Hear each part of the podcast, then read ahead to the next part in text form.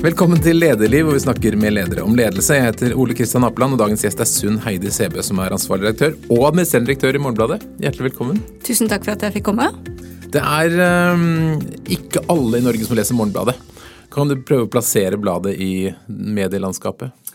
Det har vært en ukeavis eh, siden 90-tallet, eh, og det er jo en veldig hva skal jeg si, en intellektuell ukeavis som er tung på forskning, kultur, debatt. Eneste avisen med veldig lange essays og masse, masse bokanmeldelser. Og, og, nå under pandemien så har vi hatt veldig grundig forskningsstoff, da. Så vi legger vår eh, mye ære i det, den grundigheten, rett og slett. Og det er en gammel avis? Det er en gammel avis. Det er Norges eldste riksdekkende dagsavis for folk som liker å lese, det må vi vel si. Det er ganske lange tekster? Det er lange tekster, og det ser vi også fra leserundersøkelser, at folk har et annet forhold til å lese Morgenbladet enn andre medier. Dette sidestiller de på, liksom, på linje med andre hobbyer, da, som å trene eller se Netflix. Det å lese Morgenbladet er, liksom, det er noe annet enn å holde seg, bare, bare holde seg oppdatert. Da. Og så kommer det på fredag, så det er vel sånn helgekos for veldig mange, tror jeg? Ja, og samtidig så har vi også utviklet oss digitalt. Vi har mer enn tredobla antallet digitale abonnenter, og har så, Sånn sett så er en tredel av abonnentene våre heldigitale nå. Sånn at det vi prøver, da, er å ta med oss liksom det overblikket som papiravisen gir, det kuraterte innholdet, over på nett. Sånn at det er ikke Morgenbladet på nett det er ikke en sånn akkurat nå, akkurat nå, eller eh, minutt for minutt-dekning av noe. Der det, vi skal prøve å gi samme, den samme innsikten og det samme overblikket. Og hvem er den typiske morgenbladleseren? Den er eh, høyt utdanna. Gjennomsnittsalderen er 48. Høyt betalingsvilje. Syns det er helt greit å betale for et premiumprodukt. Eh, og er eller, kulturinteressert. Kan man plassere Morgenbladet i noe politisk landskap? Egentlig så har Morgenbladet siden den oppsto som ukeavis under Tulsli, vært litt sånn at vi egentlig ikke vil ha de politiske merkelappene på oss, men du vil se at vi er jo mer vennlig innstilt til et EU-samarbeid og tror på at internasjonale løsninger i klimaspørsmålet f.eks. må til. da. Mm. Eh, men vi, vi, plasserer oss ikke bestemt på liksom høyre-venstre-aksen. Og Hva er en skikkelig bra Morgenbladet-sak, når, når dere tenker at dette er den perfekte artikkelen for, for, en avis? Det er når vi klarer å gå litt bak overskriftene.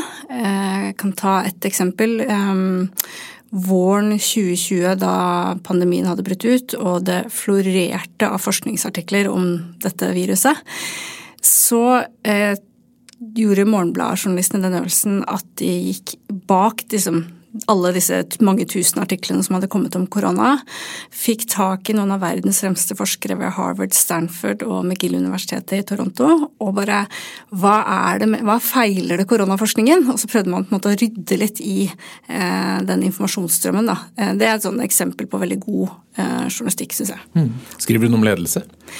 Veldig lite, egentlig. I den grad så er det vel kanskje litt kritisk. at vi Altså, at det er sånn gjennomgående at vi kanskje tenker at noe av den leder... At det er litt sånn lederhype. Eh, at vi tenker at dette med ledelse mytifiseres litt for mye. Eh, ja. Mm. Du kom dit høsten 2019 som samfunnsredaktør, og da var det en intern konflikt hvor, hvor de ansatte var, eh, hadde lite tillit til leder og styre. Så ble du først konstituert redaktør, og så ble du direktør. Så skal vi ikke gå inn i hvordan den konflikten oppsto, men fortell litt om hva gjør det med en organisasjon når det ikke er tillit mellom de ansatte og styre og ledelse? Det blir umulig å få til noe, rett og slett. fordi at uh, uansett hva som blir lagt fram, så, så, ikke, så, får du ikke med deg de ansatte. Uh, og det som jeg kom veldig seint inn i det. Jeg begynte som du sa høsten 2019, da det egentlig blåste opp for fullt. Men dette var jo en, en konflikt som hadde vart og pågått en stund. Eh, og det kan jeg se var ganske lammende for hele driften, rett og slett. Og det handler ikke liksom om hvem sin skyld det var, eller hvor ansvaret skal plasseres, men, men det er veldig ødeleggende hvis en konflikt får pågå for lenge. da. Visste du da du søkte jobb der at du skulle inn i et sted hvor det var en konflikt? Ja, det visste jeg fordi det hadde vært en arbeidsmiljøundersøkelse på våren der som hadde veldig dårlige resultater. Så jeg visste at det var noe krevende jeg skulle inn i, men at det skulle bli så voldsomt som det ble høsten 2019, da disse sluttpakkene gikk ut og det skulle nedbemannes, det hadde jeg virkelig ikke forestilt meg. Um, husker jeg har mange år fra Dagbladet, jobba 14 år der vært med på ganske mange runder med nedbemanninger og kutt der. Eh, så jeg tenkte at dette kan jeg jo. har vært med på dette før. Eh, men det som skjedde i Morgenbladet, ble Det var så mye mer komplekst, ikke sant. For det var en konflikt mellom redaksjonen og eierne, konsernet. Og det var en konflikt mellom daværende ledelse og redaksjon. Og om retning.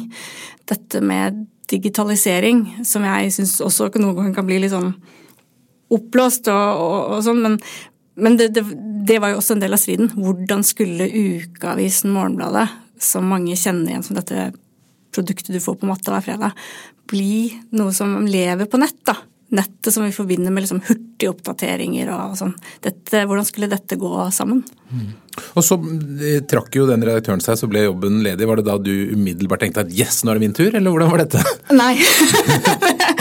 det kan jeg love deg. Eh, jeg tror heller jeg tenkte at den, eh, de tøffe takene som var der, og som jeg, jeg skjønner medførte store personlige belastninger på mange, så tenkte jeg vel heller at jeg skal aldri bli toppleder. og det sa jeg jo også. Men, men så var det jo eh, det var jo helt reelt faktisk at det var veldig få igjen på jobb. Mm. Det ble til og med skrevet om i avisen at uh, nesten alle var sykemeldt, så det var jo ikke så mange å velge heller når man måtte konstituere noen. Og jeg fikk veldig kort tid på å bestemme meg. Det var egentlig Jeg tenker at det var egentlig ikke et spørsmål, det var mer en sånn Ja, jeg spurte hvor lang tid har jeg å tenke på. Nei, vi skal ha styremøte i morgen. Og hva, Hvilke vurderinger gjorde du da? Nei, og og det er helt reelt. Det var ikke så mange andre på jobb, så jeg tenkte at ok, dette kan jeg ta. Øh, fordi konstituering er jo en midlertidighet i utgangspunktet. Så det Ja, ok, det kan jeg gjøre. Mm. Og Hva var det du opplevde som konstituert som gjorde at du valgte å fortsette å ta stillingen? Eller søke å få stillingen? Ja. Jeg Det var sånn at umiddelbart da konflikten ble løst, og jeg tror det var helt nødvendig at, at det måtte få en utgang hvor noen slutta, da, uansett igjen hvordan man forklarer liksom hva som skjedde, så, så ble det nødvendig til slutt for alle parter. Så opplevde jeg at folk kom tilbake og hadde et veldig ønske om å gjenreise avisa. Eh, de var ikke fornøyd med den avisa de hadde lagd eh, det siste året, nettopp fordi konflikter tar tid, da. Folk blir bundet opp i alt annet som har med å liksom, produsere det man skal. Så det var et, en voldsom sånn stå-på-vilje for at Morgenbladet skulle gjenreises. Og sånn sett så tenker jeg at jeg fikk en ganske lett jobb. Men så var det jo også helt reelt at vi hadde mista mange ansatte under den nedbemanningen. Eh, samfunnsavdelingen, som er den største avdelingen, hadde mista tre av sju. Jeg tror kulturavdelingen mista halvparten av sine reportere. Desken hadde mista folk. Så da er det jo klart, da må du jo du må gjøre noe, for du kan ikke si vi skal gjøre, lage like bra innhold og like mange saker når vi faktisk er såpass mange færre. Så da måtte man jo man måtte jo gå inn og si hva skal vi gjøre mindre av den øvelsen. Ut fra det du opplevde Hva tenker du en organisasjon bør gjøre hvis det begynner å oppstå mistillit mellom ledelse og ansatte? Altså, hvilke refleksjoner har du rundt det? Jeg tror i hvert fall man må ta det veldig på alvor. Eh, og at Igjen, jeg var ikke der og, og, kan ikke si noe om hvorfor det ble som det ble, men jeg tenker det er noe av det liksom, tristeste her, at det fikk pågå såpass lenge. Eh, og det, det, er lett å tenke liksom at for et styre eller for ledelse å tenke at det er veldig vanskelig ansatte. Men hvis det kommer bekymringsmeldinger, så betyr ikke det at du automatisk skal si ja, da har du rett, og vi gjør sånn som dere sier. Men, men, du må ta det på alvor, og du må lytte til de signalene, da. Eh, fordi at når du da eh, Når det kommer til slutt, da, hvor Eh, eierne ønsker høyere driftsmargin og sterkere, et sterkere digitalt skifte, så har du ikke med deg de ansatte fordi at de opplever at de ikke er blitt hørt. Og det, det er en dum situasjon å sette seg i, da. Mm. Vi hadde eh, kringkastingssjefen her forrige uke, og han snakket om felles virkelighetsforståelse, at det var veldig viktig. Kan det ha vært noe av utfordringen der, at man hadde ulik oppfatning av hvordan verden egentlig var? Åpenbart. Eh, det tror jeg helt klart eh, Det er liksom innlysende at det var noe av problemet. Og så er det sånn at det er jo noen forhold rundt en ukeavis som er annerledes enn for en dagsavis, da, f.eks. DN i NHST-konsernet som vi var en del av. Eh, Morgenbladet faller ikke på papir, eh, og har også hatt oppgangstid i en periode der alle andre dags, eh, dagsaviser på papir har falt. Den kjærligheten som folk har til den ukeavisa på papir, den må vi Det er veldig dumt å skusle det bort, da. Det er et grunnfjell som utgjør liksom Vet ikke jeg nærmere 50 millioner i inntekter. Mm. Veldig dumt å liksom gjøre kål på det. så det må du ha med deg da, når du skal liksom hva, Ja, hva er virkelighetsforståelsen rundt morgen? Hva er realiteten rundt Morgenbladet? Jo, dette er noe av realiteten. Det er et produkt som veldig mange liker. Det gir masse inntekter. Vi har en fullprisandel på 90 nå. Eh, så dette står seg. Så da må utvikling og fornyelse skje på en eller annen måte i tråd med at vi faktisk har det produktet. Da. Men da du tok eh, ansvaret, hva, hadde du noen tanker om, liksom klar opplevelse av hvordan du ønsket å være som leder? Eh, nei. Eh, jeg har Min vei til ledelse er rar. Fordi jeg har Jeg tror jeg fikk min første mellomlederrolle i 2011. Og det var ikke en stilling jeg hadde søkt på, og sånn har det vært litt med meg. At jeg er litt sånn Liker godt å skrive, da. Har skrevet tre bøker. Har slutta som sjef for å skrive bøker. Eh, sånn at jeg har nok ikke den at jeg, jeg har ikke tatt lederkurs og jeg har ikke forlest meg på ledelseslitteratur, men jeg kan godt ta på meg det ansvaret. Og jeg tror at noe av det som kanskje er min styrke, mer enn at jeg har disse voldsomme vyene og og ambisjoner på den måten er at jeg er ganske god på å løse oppgaver her og nå. Se hva er det jeg kan gjøre for at Hva er det som gjør at det lugger her? Jo, og så gå inn og løser det. Eller hva skal til for at du får gjort jobben din? Jeg fikser det. det jeg tror kanskje at det er liksom den måten jeg er best på. Og her var det jo mange ting som Det var en organisasjon som hadde vært lammet over tid, så det var veldig mye å ta tak i. Masse, masse smått og stort. Så du hadde ikke en sånn klar bilde at sånn vil jeg være som leder? Nei. Men jeg tenkte at jeg skulle være tilstedeværende. Det er I den grad jeg liksom går rundt med en sånn tydelig bilde av hvordan jeg vil være som leder, så vil jeg i hvert fall at folk skal føle at jeg er til stede, og at jeg er tett på. Det syns jeg har en egenverdi, og det er noe jeg har satt pris på hos ledere jeg har hatt. da. Så det å bli sjef er ikke noe du har drømt om siden du var liten? Nei. det kan du trygt si. ja. Det har kommet underveis? Ja. Trives med den nå? Ja, det gjør jeg. Mm. Jeg trives egentlig forbausende godt. Igjen, det var ikke sånn at jeg så hvordan det var under den forrige konflikten og tenkte at oi, jeg får kjempelyst til å være toppleder. Men nå som jeg har hatt jobben i to år, så syns jeg den er veldig meningsfylt og kanskje enda vel så meningsfylt som å være mellomleder. Fordi det var frykten min at det slenger opp, høyere opp i hierarkiet jeg går, dess lenger unna kommer jeg liksom, kjernevirksomheten. da. Men det føler jeg egentlig er ja, nå er det jeg som legger budsjettrammene. Hva skal vi satse på neste år? Hva blir viktig for oss? Eh, jeg kjemper for de rammebetingelsene som de ansatte skal ha. Eh, og så melder jeg meg på liksom, i redaksjonelle prioriteringer, akkurat som før. Så ja. Det... Du nevnte at du, har en, du, har, du har levd i journalistikken i en periode hvor det har vært mye nedgang og kutt og sånn, men nå virker det som det blomstrer litt i norske aviser? Ja, det gjør det.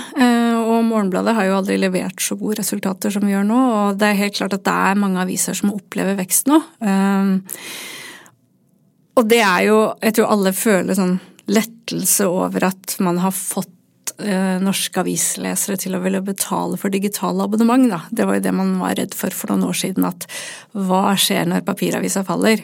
Vil vi få med oss leserne videre? Så det er jo gledelig. Og så er det klart at for andre mediehus så er dette med tap av annonseinntekter et veldig alvorlig spørsmål, for de har mer inntekter fra annonser enn det vi har. For oss så er det litt sånn det er ikke de store svingningene og det er ikke det store volumet.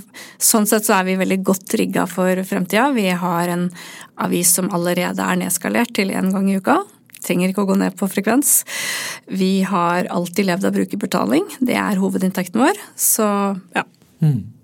Men det det er en, jeg tenker at det er en litt krevende jobb, for du skal jo både ha folk til å levere ganske mye. Og så skal det være veldig bra, og skal det være kreativt. Så hva er liksom, du tenker du er, er oppskriften for å hente ut det beste av journalister?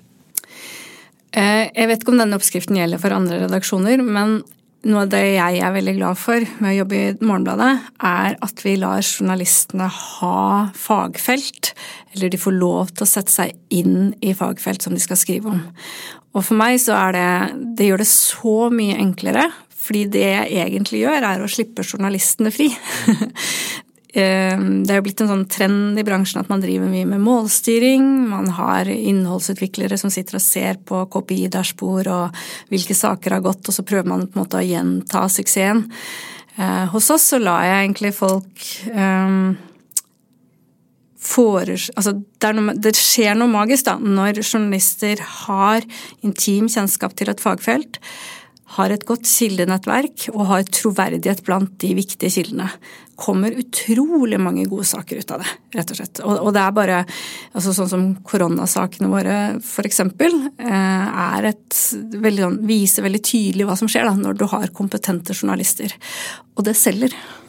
Jeg oppfatter det som litt gammeldags. at det var sånn Før i tiden så hadde man det, men i de siste årene så har det blitt mer generalister i veldig mange redaksjoner. Ja, og det, jo, det var jo på en måte det som var trenden i, i avisen jeg kom fra. At man går i den retningen at man ønsker journalister som kan ta fem forskjellige saker i løpet av en dag. Eh, for Morgenbladet så er det jeg, jeg nyter å kunne jobbe i en avis hvor vi kan jobbe på en annen måte, da. Og jeg tenker jo også at nå skal jeg bli litt pompøs, men jeg syns kanskje det kan også bli et demokratisk problem hvis vi har journalister som bare kan ting i overflaten. Eh, fordi at mange institusjoner, virksomheter, har store kommunikasjonsavdelinger. Hvis de får lov til å være avsendere av hvordan det egentlig går med virksomheten og hva de har oppnådd og ikke oppnådd, så kan det være ganske vanskelig for en journalist som er blir bedt om å lage fire andre saker den dagen, mm. og trenger gjennom den kvartalsrapporten eller ja, den, en annen rapport, da. Mm. Det trenger du skarpskodde journalister til, og de må få tid til å sette seg inn i eh, temaet. Tror du at dette kommer tilbake i andre aviser også? Ja, jeg syns jo egentlig jeg ser det også. At man satser mer på En ting er jo gravejournalistikk, men også bare det å Altså verdien av å ha noen som kan et fagfelt. Da. Du får ikke dekket alle, du kan ikke ha én journalist på hvert eneste samfunnsområde, det sier seg sjøl, men, men, det å liksom la journalister også få utvikle seg, da. Uh, ja, det blir bra saker av det. Mm. Du ble nettopp kåret til årets kvinnelige medieleder. Det er gøy. Ja. Hvordan føltes det? Det føltes, uh, som jeg sa på scenen, jeg har jo aldri vunnet noe før, så det var jo hyggelig å vinne en pris og en konkurranse uh, for første gang i livet. Uh, og så tror jeg, som min mednominerte Frøy Gudbrandsen i BT sa, at det er selvfølgelig litt sånn blanda følelser rundt dette med kvinnelig, da. det er ikke sant jeg ja, det med at det er en egen kategori, kanskje er det litt rart. Ja, for Den har jo holdt på en del år, og det var sikkert veldig relevant da man startet med Det er spørsmålet om er det relevant i dag? Ja, og det vet jeg hva hadde vært eh, altså en diskusjon i årets jury også. Eh, så det eh, er sånn Det er veldig hyggelig å bli sett, og at den suksessen som Morgenbladet har hatt, da, at den også blir anerkjent. Men ja, litt sånn blanda følelser rundt det å være kvinnelig medieleder. For det er ikke det jeg først og fremst tenker på meg selv som. Jeg har ikke noe oversikt, men du har kanskje følelse du, Hvordan er Redaktør-Norge? Hvordan er kjønnsfordelingen? Nei, det er jo kvinnelig sjefredaktør i Nasjonen, i Dagbladet, Aftenposten. Eh, Adressa, mm -hmm. BT. Mm -hmm. Stavanger Aftenblad nå. Ikke sant? Ja. ja. Og det er veldig bra. Så det er egentlig, kanskje vi trenger en, kvinn, en, en mannlig medieleder for, for, å løfte opp noen menn? Ja, men så kan du gå et opp, nivå opp og se på konsernene. Eh, der er det ikke så mange kvinnelige konsernsjefer, da. Så, så du mener at, du tenker at prisen fortsatt har er liv laga en stund til, eller? Jeg, tenk, jeg, jeg, tror jeg bare kommer til å ha den diskusjonen gående med meg selv i fortsettelsen. Fordi at øh, det er jo ikke Altså det er ikke sikkert at de, øh, at de mannsdominerte styrene opp igjennom ville innsatt så mange kvinner i publisherrollen hvis det ikke var for at det var et ytre press og oppmerksomhet rundt det her. Uh, og så ja, og så gjenstår vel eh, konsern sjefen også. Da. At det også får en bedre, at det er flere, bedre kvinnelig representasjon der. Men det er jo generelt interessant dette med priser, for du sier du syns det er stas å få pris. Vi fikk en heder forrige uke som var gøy, og dere holder på med Scoop-priser, og det er priser for det andre. Ja. Er, det, er, er, det, er, det, mye feiring i, i, i pressebransjen? det er i hvert fall lov å mene det, og det er, det er mange priser. Eh, også eh, ja, men er det et virkemiddel du bruker internt, og du, deler du ut premier? Nei, det gjør jeg ikke. Eh, og jeg, igjen tilbake til dette med målstyring. Vi, jeg, jeg sier ikke Vi bruker veldig lite av dette internt. Eh, vi snakker om, om innholdet og journalistikken. Eh, og min redaksjon har nok et veldig avmålt forhold til dette med priser. Men feirer dere mye? Er det mye bløtkake? Vi feirer når vi har abonnementsrekord og gode resultater og sånn. Det ville vært veldig trist om alle, all, hver dag var mandager. Hmm. Jeg tror det er viktig å feire ja, ja. en del av hverdagen. Ja. Men, eh, du nevnte at du skrev bøker. Du skrev bøker om eh, Nord-Korea og Kina og en, Kims lek om, King Jong-un. Eh, fortell litt om det i sånn ledelsesperspektiv. Det er vel kanskje den verste formen for ledelse som man har, det man ser i Nord-Korea? Ja, nå trodde jeg du skulle spørre om ledelse med å skrive bøker. Nei, Nei ja, ja, jeg tenkte mer på ledelsen som vi ser i Nord-Korea. Det, det, er vel ledelse på sitt verste, er det ikke det? Ja, det må man trygt kunne si. Og det var i hvert fall noe som slo meg veldig da jeg særlig jobba med den første boka, som på en måte tok for seg Korea, mye mer av Koreahalvøya etter andre verdenskrig. At liksom, her har du en halvøy. Og det var egentlig sånn at Nord-Korea hadde mest eh, ressurser, altså fra naturens side. Eh, og så ser man da hvor forskjellig retning og hvilken utviklings liksom, Hvor forskjellige disse landene har blitt. da. Det vis, forteller meg noe om at enkeltmennesker og nettopp ledere, da, mm. noe så banalt som det faktisk betyr noe. Eh, fordi her har jo Sør-Korea da gått fra å være et utviklingsland til å faktisk bli en av verdens ledende på teknologi. Eh, og en av verdens største økonomi. Mm. Men vi, vi, ser jo, vi, flirer jo litt av eller Det er både skremmende, men også litt morsomt med Kim, Kim Jong-un. Men har han en bra standing i sitt eget land? Han det er jo veldig vanskelig å måle hvordan oppslutningen er i et diktatur, for den er jo mm. alltid 100 er den ikke det? Stor entusiasme, ja. ja. Um, jeg tror at En ting er jo på en måte det vi ser hvis det er sånn nyhetsklipp fra seremonier hvor folk gråter eller kaster seg rundt halsen på hverandre fordi de er blir ekstatisk av å se Kim Jong-un.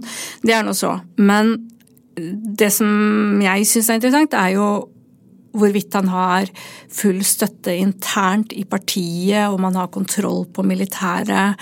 Det er mer fraksjonering innenfor det nordkoreanske regimet da, enn man kanskje skulle tro. Mm. Så det er jo, det syns jeg er veldig spennende. Og så syns jeg det er veldig spennende liksom, hvordan denne søsteren hans går inn og ut av den innerste krets. Men hun det er veldig tydelig at hun løftes, da. Det er det jo.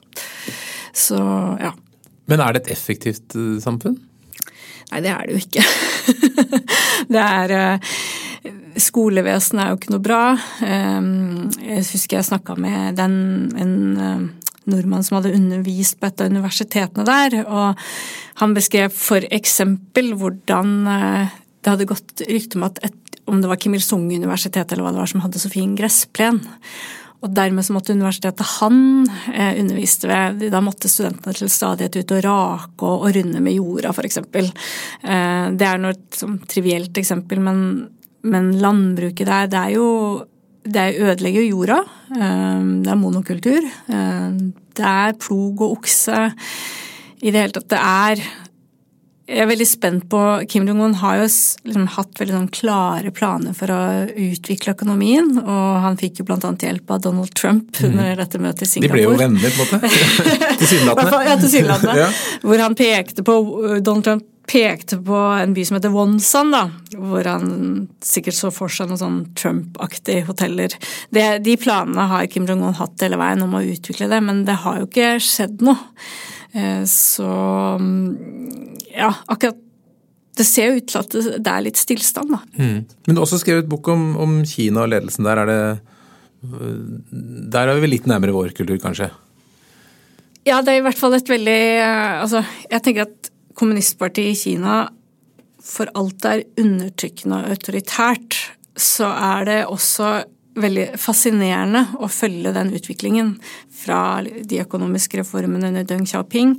Men det har vært så mange veiskiller etter det også. Eh, og, og kanskje det tydeligste er jo eh, dette med at Vesten trodde at med liksom rundt 2001 Kina ble medlem av Verdens handelsorganisasjon, internett var kommet.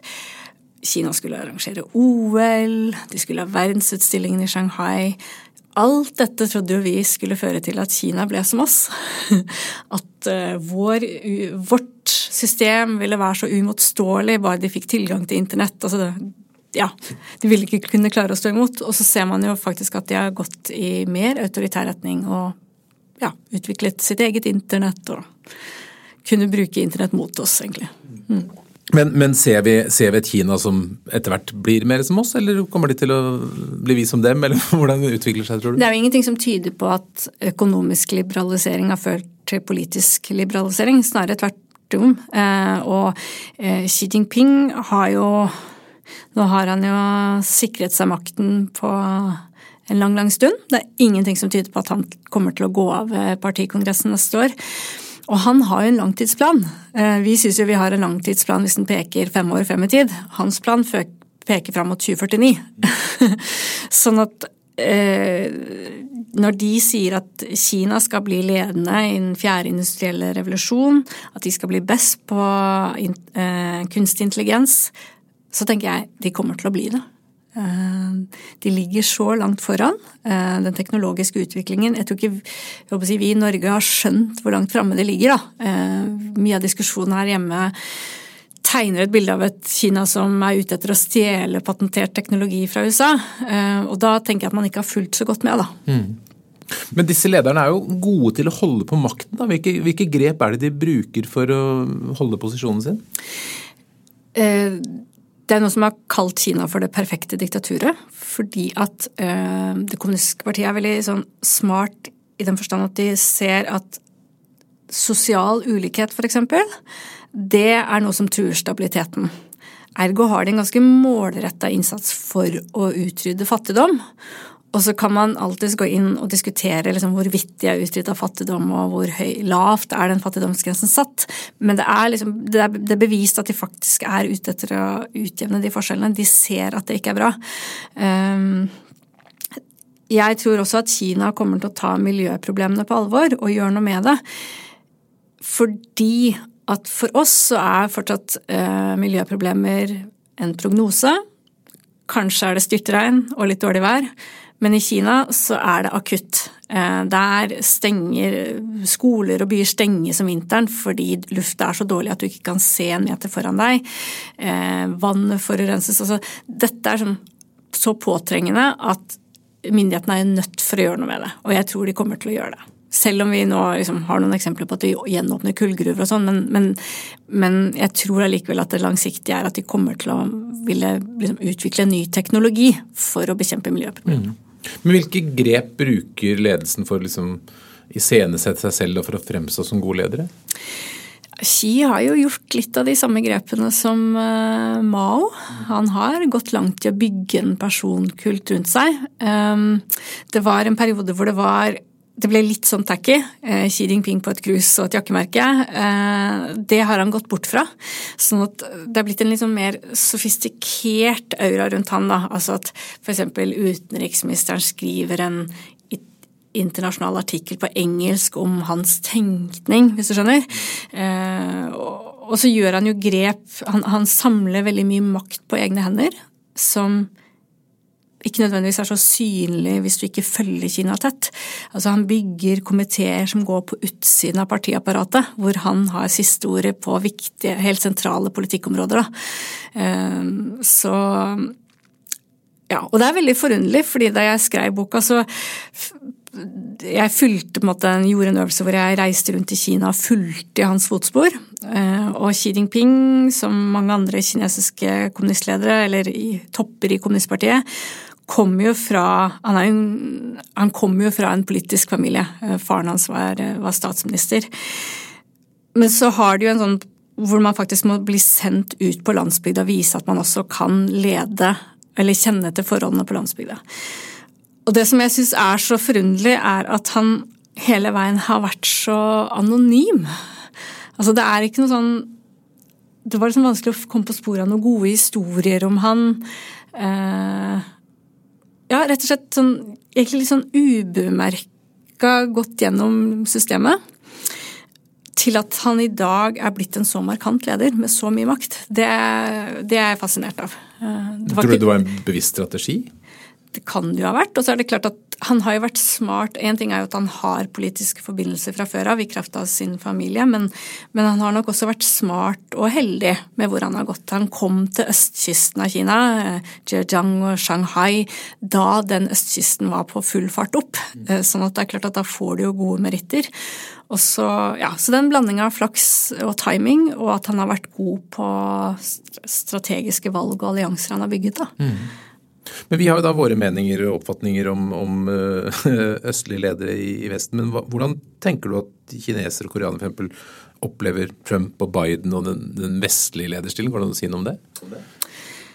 Ja, det husker jeg. Jeg husker i hvert fall veldig godt jeg, da jeg var på den eh, reisen eh, i Xi Jinping Xi Jinpings fotspor, så husker jeg det var et program på en kinesisk TV-kanal hvor eh, det var en sånn blanding av talkshow og debatten her hjemme. Hvor eh, de viste bilder av den arabiske revolusjonen og Molotov-cocktails og svart røyk, og så sa de Og så viste de også bilder av Bush og Trump, og så sa de dette dette er hva du får når du er i et land med folkevalgte. Mm. og så viste de liksom Det var liksom elected, og så var det det du får med seleksjon, da, som de mener at det kommunistiske systemet i Kina gir, hvor man må gå gradene oppover helt til man er i politbyrået, eh, og så kommer til makten. At det er en kvalitetssikring som skjer da, innad i partiet, som du ikke får i et demokrati. Så det er bedre at partiet velger enn folk flest velger? Ifølge det.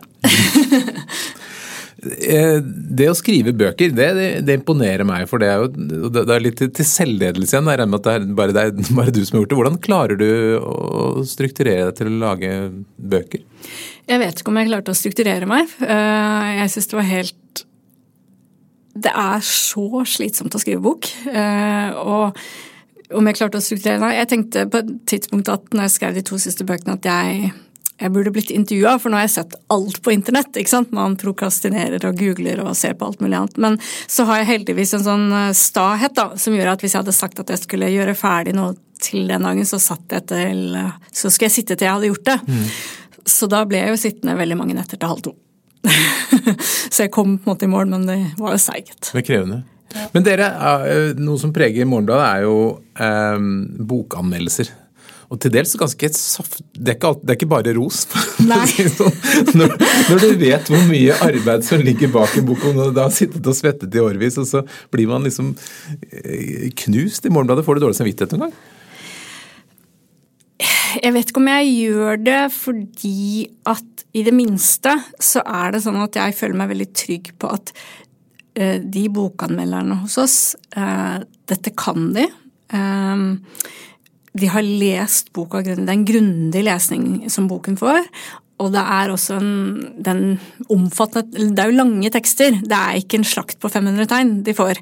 Sånn det er en, det en velbegrunna, de gangene det blir veldig negativt, så tenker jeg at det er velbegrunna hvorfor det blir som det blir.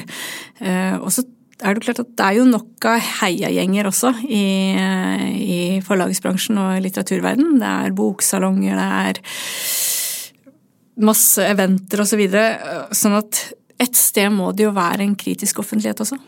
Får dere reaksjoner? Er det noen forfattere som blir sinte? Ikke som jeg har fått med meg, men det er det sikkert. Og jeg tenker at det er ikke sikkert at de som jobber i bokredaksjonen til Morgenbladet har sånn altfor mange venner i forlagsbransjen. det vet jeg ikke. Men på den annen side så skal det sies at når da noen får en god anmeldelse, så blir det veldig verdsatt. For da vet man at det er ingen andre hensyn som har påvirka denne lesningen. Det er rett og slett den vurderingen som er gjort da, av mm. boka. Jeg regner med at du leser en del selv. Er det noen bøker som har gitt deg noe verdi når det gjelder eh, hvordan du skal være som leder? Jeg har ikke lest så mye lederbøker. Men romaner? Er det andre som tenker har, har, du, har du sett noen gode Er det noen gode ledere i, i litteraturen? Nei, jeg tenker heller at jeg har sett At, at, jeg har levd godt på altså At det er ledere jeg har opplevd som mm. har påvirka meg. Mm. Mm. Vil du trekke frem noen? Ja, og det er ikke kjente ledere. Det er eh, Jeg kan ta jeg kan ta ett eksempel. Ehm, jeg har hatt mange sommerjobber eh, fra jeg var åtte-ni år. Vi jobbet på turisthytter, skelpoteter, vaska utedo osv. Og så hadde jeg også en sommerjobb da jeg var litt eldre, hvor jeg jobba på et um, turistsenter. da, Sånn natursenter, hvor det kom uh, masse turister innom. Og så var det sånn at han som leda det her natursenteret, han visste at det var gode penger i cruiseturistene. For da får du en hel slump inn mm. som bare kommer inn, og så går det igjen, og så har de lagt igjen masse penger. Så spurte han meg en eh, lørdag kveld om jeg kunne tenke meg å bli igjen for å støvsuge litt ekstra. I påvente at det kom liksom et mm. sånt storinnrykk med cruiseturister. Um, og nå var det her Øvre Eifjord, hvis det sier deg noe. Mm. Ja, 200 innbyggere, kanskje. Så det var ikke sånn at jeg hadde veldig mye planer den lørdag, eh, lørdagen, men det er jo likevel ikke det du har lyst til.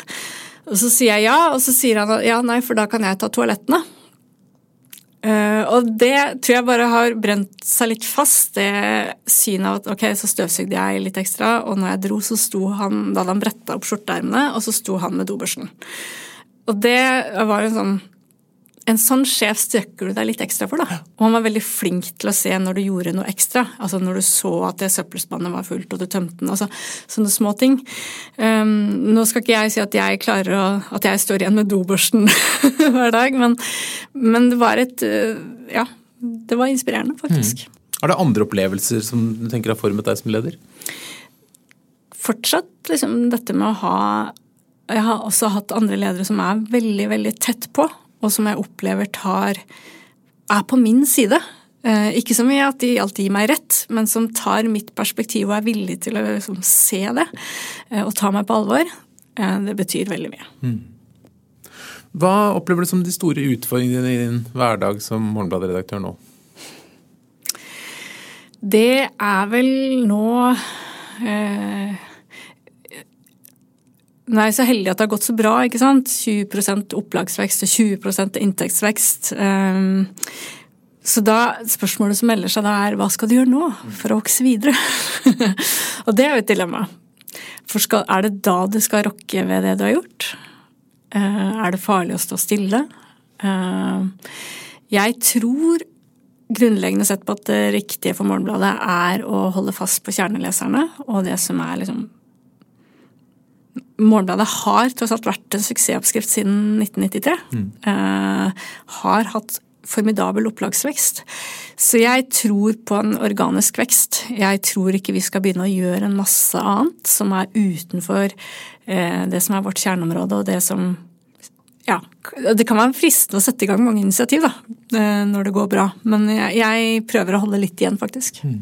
Det har etter hvert ganske mange som kjemper om de abonnementskronene, altså alt fra TV-kanaler til eh, aviser og andre ting, som blir mye sånn løpende kostnader. Er det et problem for, for, dere at folk tenker at nå er det nok utgifter? Det ser jo ikke sånn ut, rett og slett. Med den, altså, den vinteren jeg tok over, så hadde vi 22.800 abonnenter, og nå har vi 29 000. Mm. Så for meg så virker det som at, at det innholdet som Morgenbladet lager, er attraktivt. da, Og at det egentlig ikke konkurrerer med et TV2 Sumo-abonnement. Er det tid eller penger som er begrensningen for folk? Ja, men henger det ikke sammen, da? Hvis det ikke I hvert fall hos oss så er det jo ikke jeg tror jeg ikke det er liksom beløpene på abonnement som betyr noe. Eh, og hvis vi ikke lager godt nok innhold, så sier folk at det ikke er prioritert det. At de ikke har tid. Men i en sånn bransje som, som er i medvind, da, som eller avisen er, blir det utfordringer å få tak i de flinkeste folka? Vi har ikke opplevd det. Eh, men jeg vet jo at det har vært et problem, og kanskje da hvis vi skal snakke isolert om Oslo mm. ikke sant? Så Da avisa Oslo starta opp, så tok jo de eh, med seg en god slump av gode journalister, og så oppbemanna Aftenposten, og plutselig da så begynte det å bli ganske at det har vært vanskelig å få tak i gode folk. Og din gamle arbeidsgiver Dagbladet skal ha masse folk, og E24 og masse Det, det er vekst alle steder. Ja, ja. ja. Um, så, men det har, jeg har ikke opplevd at det har vært et problem for oss, men det er klart det er reelt da hvis man skal ha tak i 15 journalister nå, så sliter man. Hva gjør du for at det skal være attraktivt å jobbe akkurat hos deg?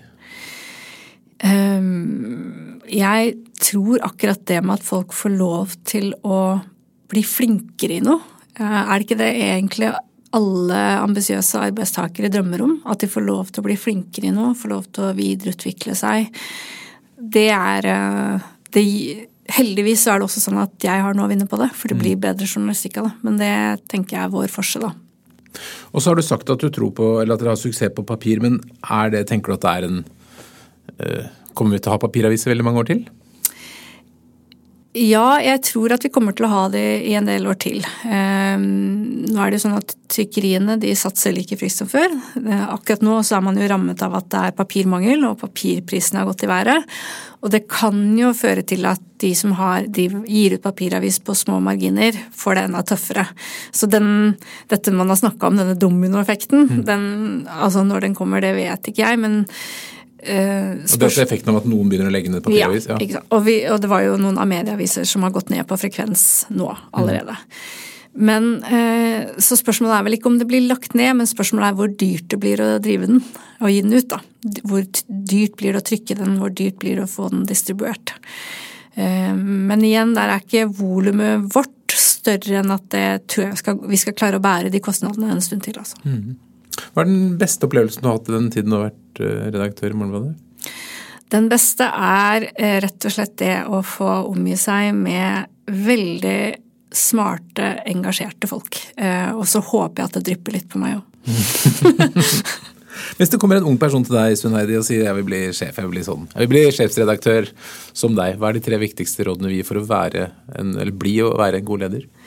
Jeg ville tenkt at du ikke skulle tenke så mye på å bli det. Eh, først så må du konsentrere deg om å levere på det du skal. Enten du er journalist eller annonseselger eller hva det er, så må du først levere på det. Eh, vise det gode resultater på det. Eh, vær flink til å ta egne initiativ. Ta på deg mer enn det som er akkurat det som står i kontrakten, hvis du klarer det. Liksom. Vis, gi en merverdi til til de rundt deg. Eh, det er jo ofte de som blir ledere. De som, hvis, hvis man ser for seg et morgenmøte, så melder alle inn hva de holder på med.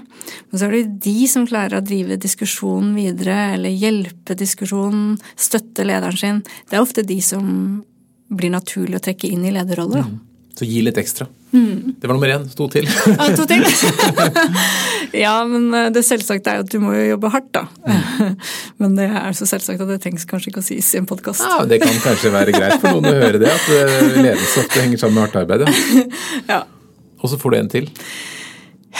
Ja, dette, er, dette blir jeg tenkt på, da. Men uh, ja. Nei, jeg, jeg, får heldigvis ikke det spørsmålet så ofte, da, hva jeg skal gjøre. Hvor lenge er du redaktør i Morgenbladet? Helt uvisst. jeg har ikke satt noe tidshorisont på det. Men uh, de skal i hvert fall uh, Jeg håper i hvert fall at de har Morgenbladet må jo alltid ønske seg en leder som er ordentlig tett på, og som alltid føler at de har noe å gi. Uh, og som kan bidra til å fornye avisa. Mm. Sånn at den dagen jeg slutter med det, så må de jo for guds skyld få en ny leder. Og så sier du at du, ligger opp, du er på 29, så kommer du til å bikke 30 000? Det hadde vært veldig moro.